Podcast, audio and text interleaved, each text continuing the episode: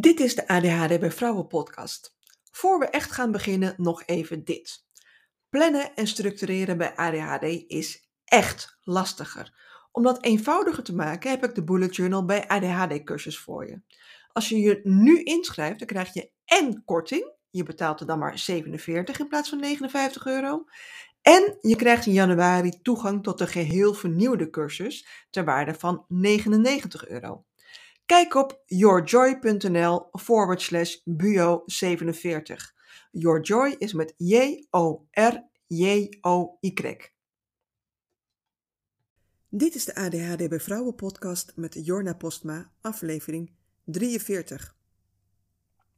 In de vorige aflevering gaf ik een soort belofte af dat ik meer zou gaan schrijven aan podcastafleveringen, zodat, zodat ze regelmatiger uitkomen. En vandaag ben ik dat dus aan het doen. Uh, ik heb tijd geblokt in mijn bullet journal om te schrijven, schrijven, schrijven en nog eens schrijven. Want schrijven vind ik meestal leuk. Niet altijd natuurlijk. Soms is het echt een gevecht om woorden op papier te krijgen. Dit is dan ook meer een gevecht met mezelf en tegen mezelf dan met iets anders. En het gevecht is dan eigenlijk meer met mijn eigen brein, die dan graag liever iets anders wil doen. Dan moet ik mezelf er echt toe zetten uh, en met een paar trucjes die ik inmiddels uh, ken, lukt het dan vaak even goed wel. En heel soms ook helemaal niet. En dat is ook oké. Maar wat er met mij gebeurt als ik mezelf de uh, ruimte geef om te schrijven, is dat ik vaak in een hyperfocus terechtkom. En wat het is, hoe je ermee om kunt gaan en hoe je ermee kunt stoppen, daar gaat deze aflevering over. In deze aflevering heb ik dus een onderwerp wat gezien kan worden als een voordeel van ADHD namelijk die hyperfocus. En want als je ADHD hebt, dan weet je misschien wel wat het is. Dat je zo opgaat in iets wat je aan het doen bent, dat je alles om je heen vergeet. De wereld kan letterlijk om je heen vergaan. Het huis kan in brand staan. Je hebt er niets van in de gaten. Je bent alleen maar gefocust op waar je mee bezig bent. En in deze aflevering geef ik je meer informatie over de voordelen en de nadelen van hyperfocus, die zijn er ook, en hoe je hyperfocus voor je kunt laten werken. Maar allereerst, wat is hyperfocus? En ik zei het hiervoor al een klein beetje. Hyperfocus is als je zo geconcentreerd bezig bent dat je de wereld om je heen vergeet. En soms zelfs zo dat je vergeet te eten, te drinken, te gaan slapen of zelfs naar de wc te gaan. En voor je omgeving kan het zelfs zo erg zijn dat ze je niet kunnen bereiken. Je bent zo gefocust dat je ze niet eens hoort. Uh, letterlijk kan het huis in de brand staan, de wereld om je heen vergaan. Je merkt het niet. En voordat ik wist dat ik ADHD had, wist ik al wel dat ik soms van die periodes een hyperfocus kon hebben. Uh, leren voor een tentamen bijvoorbeeld, toen ik nog studeerde.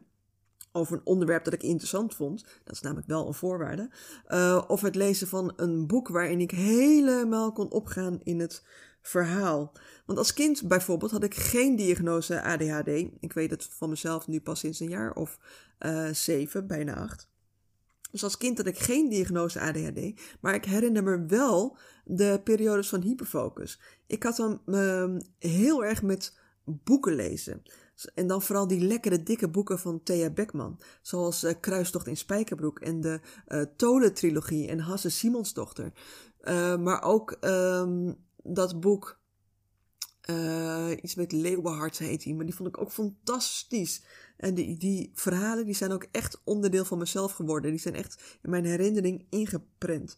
En ik verslond die boeken werkelijk. Ik ging helemaal op in die fantasiewereld. Ik, ik was het niet aan het lezen, maar ik liep daar zelf rond. De avonturen beleefde ik zelf in mijn eigen hoofd. Heerlijk vond ik, vond ik dat. En uh, nog kan ik dat ze hebben met een goed boek. Vind ik nog steeds heel erg heerlijk om daarin te verdwijnen.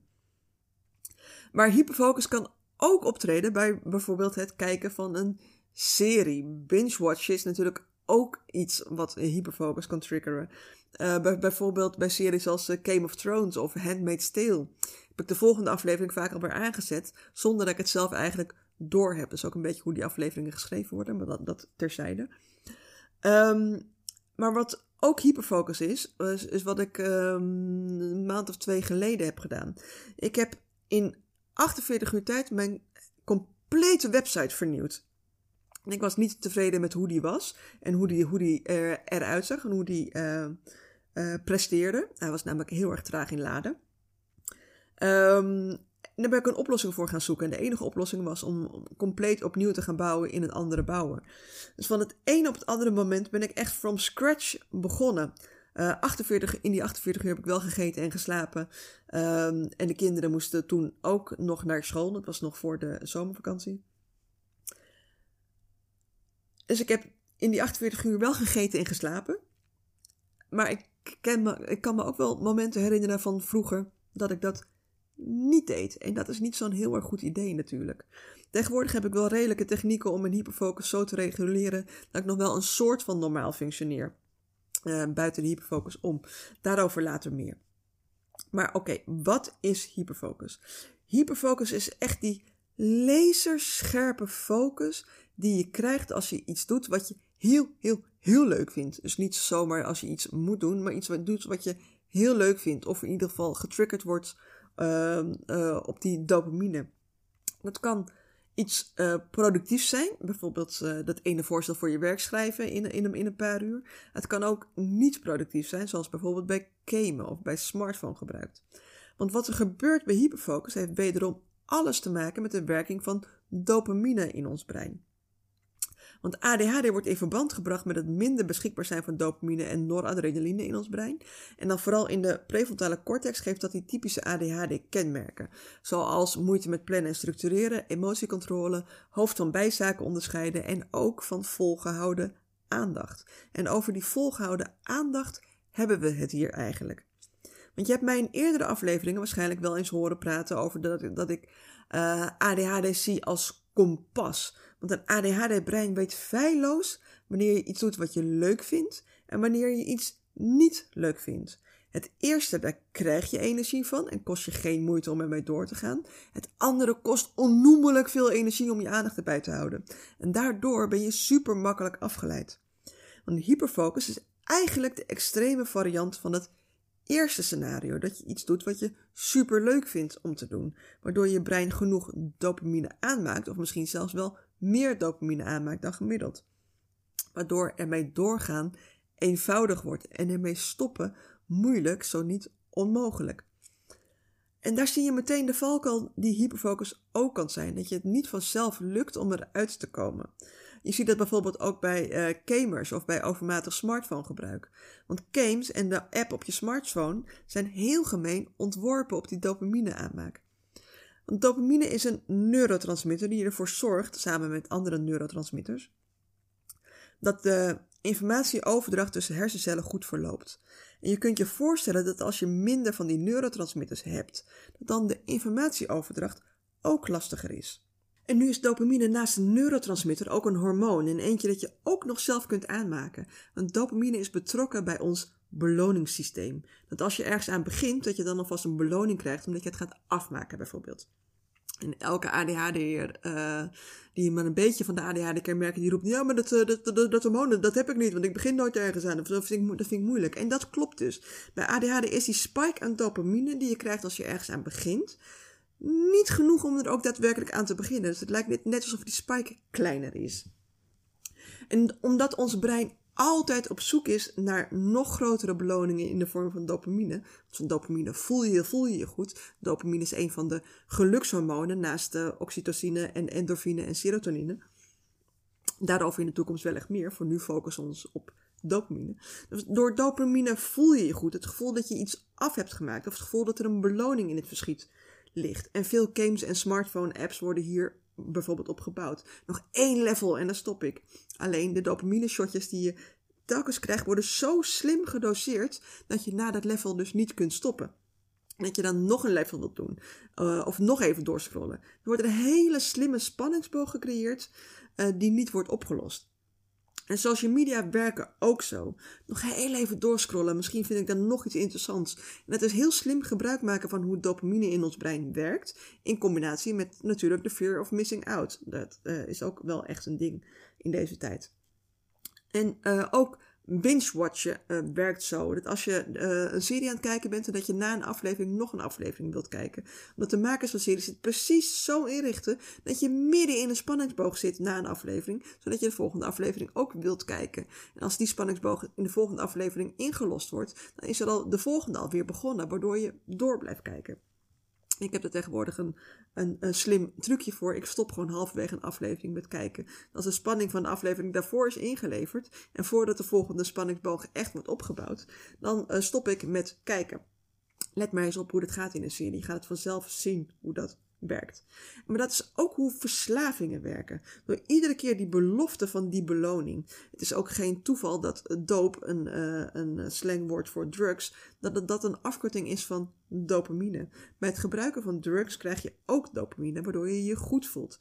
Aan de andere kant maakt drugs het dopamine-beloningssysteem ook helemaal stuk, waardoor je de volgende keer nog meer nodig hebt om hetzelfde effect te bereiken. Dit terzijde ook over verslavingen, wellicht een keer een andere aflevering. Want deze aflevering gaat over hyperfocus. En uh, wat later vertel ik je tips hoe je je hyperfocus een beetje kunt reguleren.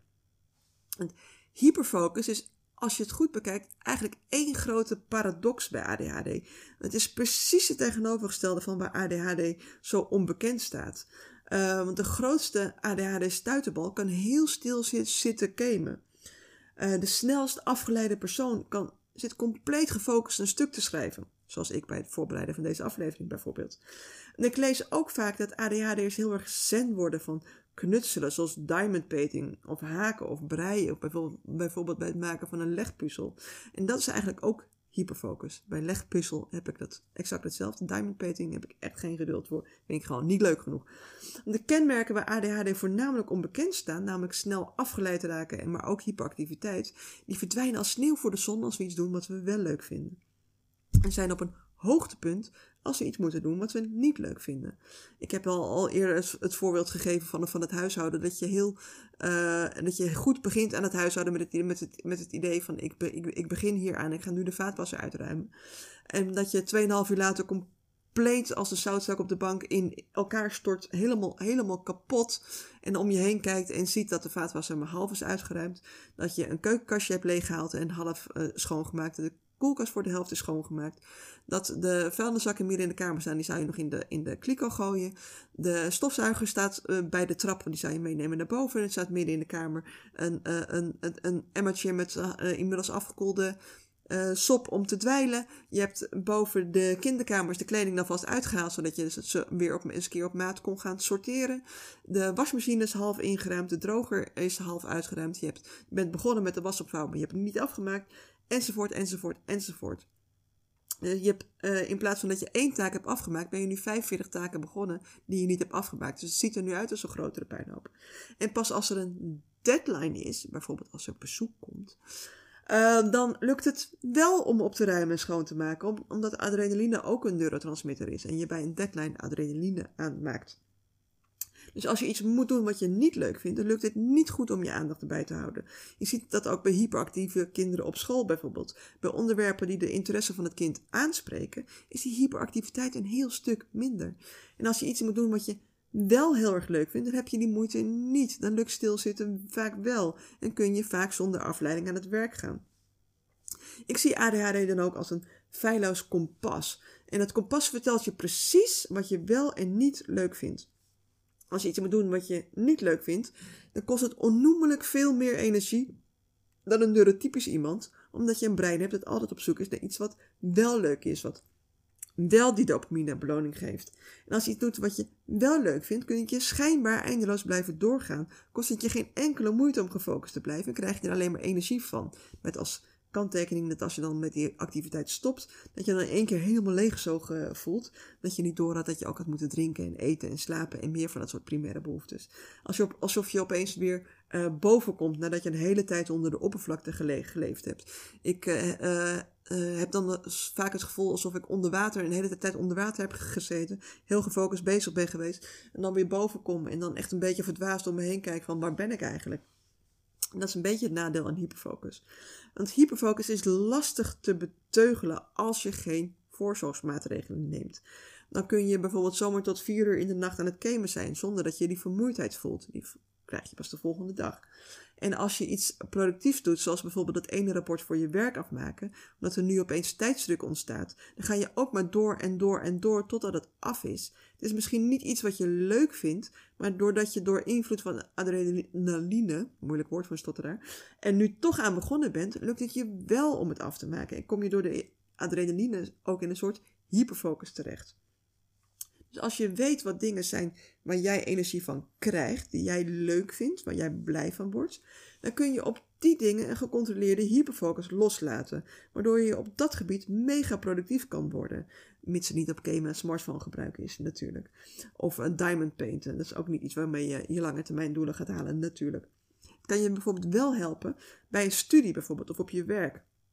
Waarbij het doel altijd is om meer dingen te doen die je leuk vindt, dan dingen te doen die je niet leuk vindt. Helemaal altijd dingen doen die je leuk vindt, dat is niet realistisch. De balans moet alleen doorslaan naar de kant van de dingen die je wel leuk vindt. Dat je meer dingen doet die energie opleveren dan die energie kosten. Oké, zoals, nu zoals beloofd, nu tips om hyperfocus te reguleren.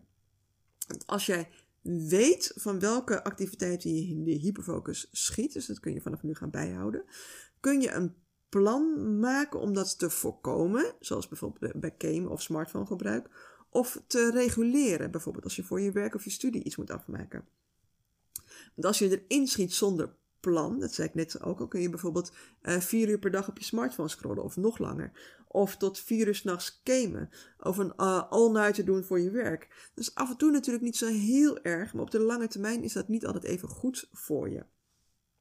En als je weet dat je van gamen in een hyperfocus schiet, kun je bijvoorbeeld een afspraak maken met een huisgenoot dat je een bepaalde tijd mag gamen. Of ervoor zorgen dat na een bepaalde tijd de wifi uitgaat, bijvoorbeeld, waardoor je niet verder kunt. Dat werkt eh, hier bij de kinderen ontzettend goed. Bijvoorbeeld dat tussen uh, half twaalf s'avonds en zes uur in de ochtend de wifi het niet, niet doet. Um, en het beste is als je dit niet zelf inregelt, maar dat, dat, dat iemand anders laat doen, zodat je ook niet zelf heel makkelijk dat kan terugdraaien op het moment dat je wel aan het gamen bent. Dat je niet precies weet hoe je dat moet omzeilen. Bijvoorbeeld als ik weet dat ik iets af moet maken voor werk en ook weet dat de kans groot is dat ik daarbij in een hyperfocus schiet, dan zorg ik er eerst voor dat ik voordat ik begin voldoende eten en drinken binnen handbereik heb. Want stoppen om eten te maken, uh, uh, not gonna happen. Ga ik gewoon niet doen. Tussendoor eten als het toch al uh, voor me staat, dat lukt vaak wel. En ook helpt het hierbij vaak om vanaf een bepaalde tijd de wifi uit te zetten, zodat je niet door kunt en wel moet gaan slapen. Dus bijvoorbeeld tussen half twaalf s'avonds en zes uur s ochtends de wifi uit hebben staan, dat je wel naar bed moet en het niet af kunt maken.